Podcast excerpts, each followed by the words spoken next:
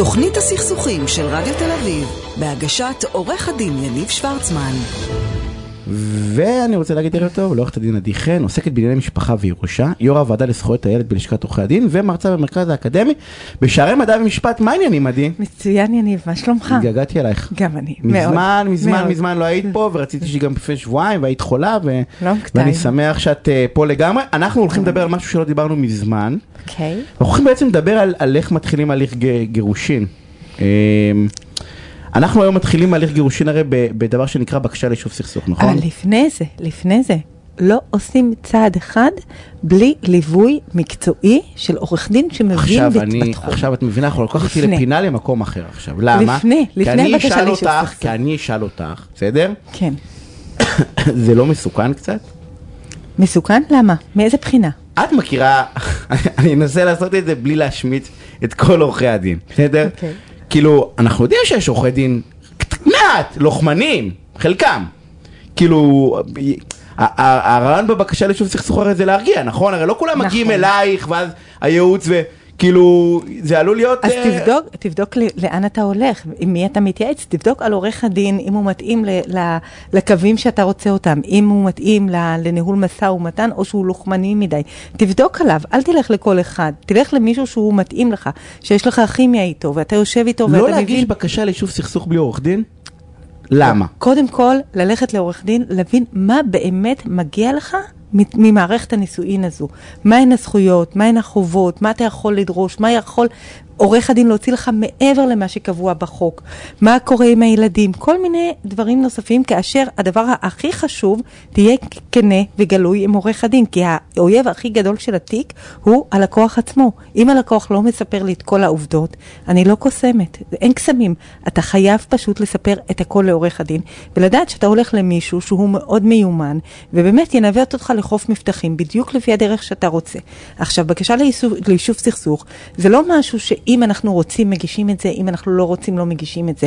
חובה, אין היום הפתעות כמו, כמו לפני שנים שהיינו שמונה וחצי אפס אפס, אם אני מייצגת uh, גבר, אז uh, בבית הדין הרבני, ממש מגישה תביעת הגירושים עם כל הכרוך בה, ואם אני מייצגת אישה, אז בבית משפט למשפחה.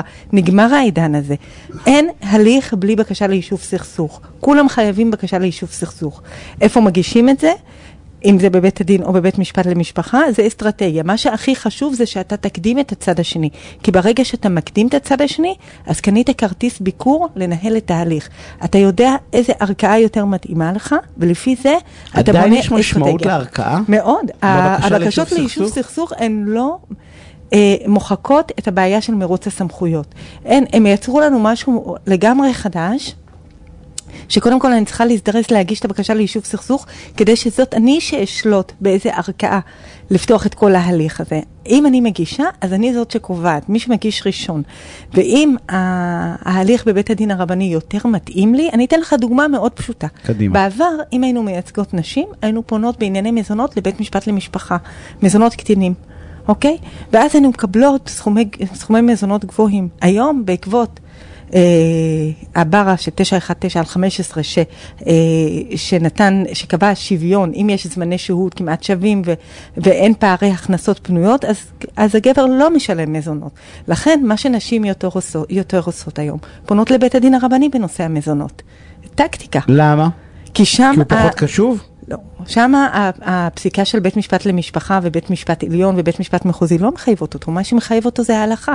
אז הוא לא פוסק לפי הנורמות האלה. אז זאת אומרת שהיום בעצם, אז כן התהפך קצת הגלגל במובן... התהפך, התהפך. אבל זה לא בגלל הבקשה ליישוב סכסוך, זה בגלל אבל ה... שוב, תלוי כל מקרה, תלוי את כל מקרה לגופו. וכל מקרה, למשל, רגע, אז, לא, אז בעצם המרוץ שמדברים עליו, הוא לא, הוא לא באמת הוא לא נגמר, נמחק. הוא לא נמחק, לא, הוא ממש לא הוא נמחק. לצורך העניין עבר אה, בית.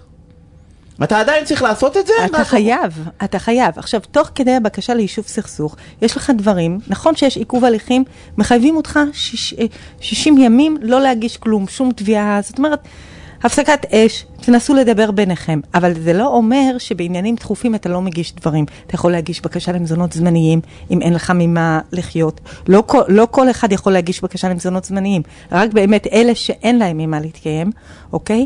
ה- בקשות בעניין הילדים, עיכובי יציאה, עיקולים, שמירת מצב קיים, זאת אומרת, אם אני רוצה שהאישה תישאר בבית, אז אני מגישה בקשה לשמור את המצב הזה, או שהבעל ימשיך להפקיד אה, את הכסף לחשבון מסוים. איך אנחנו אבל דברים. אבל אני- אז- אז- אז אז בעצם הבקשה ליישוב סכסוך, מש- היא לא ממש הרגיעה? לא מעניין אותי, כאילו, כי- תראה, כי- כי הייתה אה, תחושה שזה בכל זאת מצליח להוריד, ואני מתרשם ש... בפריפריה כן הרגיע, בפריפריה כן הרגיע? כן. באיזה מובן, למה? כי... מטעמים כלכליים? מטעמים כלכליים? כנראה מטעמים כלכליים, ופה אוקיי. במרכז אנחנו לא רואים אה, שינוי גדול. באמת, יש, מי שרוצה לסיים בהסכמים, מסיים בהסכמים, והוא לא צריך את הבקשה ליישוב סכסוך, הם מגיעים ואומרים אנחנו רוצים לסיים בהסכם. ומי שרוצה מלחמות ויש שם סכסוכים על רכוש רב וכולי, וחברות וכולי, אז אה, בקשה ליישוב סכסוך לא עזרה לנו פה כל כך הרבה. הבנתי, אז זה בעיקר עזר איפה שיש פחות כסף אולי לעורכי דין, לא נעים להגיד, ואז הולכים קודם כל לבקשה ליישוב איפה סכסוך לבד. שאין, אין, זה לא בדיוק לבד, ש- לא, לא. אלא? הפגישה, יש, בסך הכל, יש למה? עוד ארבעה דבר- מפגשים. אוקיי. אוקיי? במפגשים האלה, ישיבה ראשונה, הצדדים לבד, הצדדים אסור להם אפילו בטופס עצמו, אפשר להעביר את הטופס ל- לאתר של התוכנית.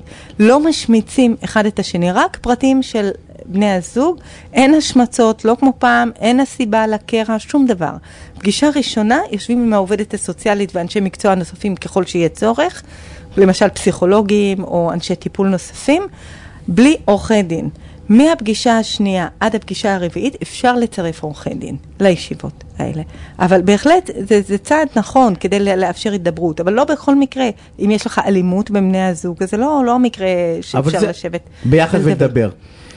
אה, נשאר לנו עוד ממש דקה, אה, איך בכל זאת, אם את אמרת תזהה איזה עורך דין אתה רוצה ברוח לחימה או לא, נכון. ואני אומר אנחנו מדברים הרי את עובדת בזה ואני מגיעים אליי כל מיני אנשים, איך איך אתה מזהה את זה? דווקא מה- מעניין אותי בטיפים של הקולגה, כאילו איך את באה ואומרת, כאילו הצד השני בחר מישהו לוחמני או לא לוחמני, איך אני מזהה את תבדוק זה? עליו, היום, היום יש לך הרבה מידע ב- במדיה. מה יודע- כותבים, כותבים הוא לוחמני, הוא קריא, כאילו אתה איך... רואה מההתנהלות של עורך הדין. אתה, אתה יכול לזהות, אתה יכול לזהות את הקווים המאפיינים של עורך הדין, אתה יכול לשבת איתו.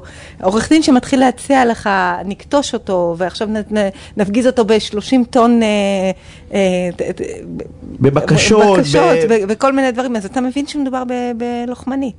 ועורך דין שמציע לך, אוקיי, נגיש את, ה, נגיש את הבקשה ובואו ננסה לנהל משא ומתן וכולי, אתה מבין שהוא קצת מרגיע את עורך דין הרוחות. לוחמני משיג יותר מאשר עורך דין לא לוחמני? ממש לא. ממש לא. קודם כל במלחמה אין מנצחים, אוקיי. ממש לא. להפך, החוכמה היא לקבל את מה שאתה רוצה ואפילו מעבר, בדרך מאוד עדינה ושקטה. כי בסוף יש ילדים. נכון. עורכת וחייבים. הדין עדי חן. תודה רבה רבה, תבואי שוב. תבואי שוב.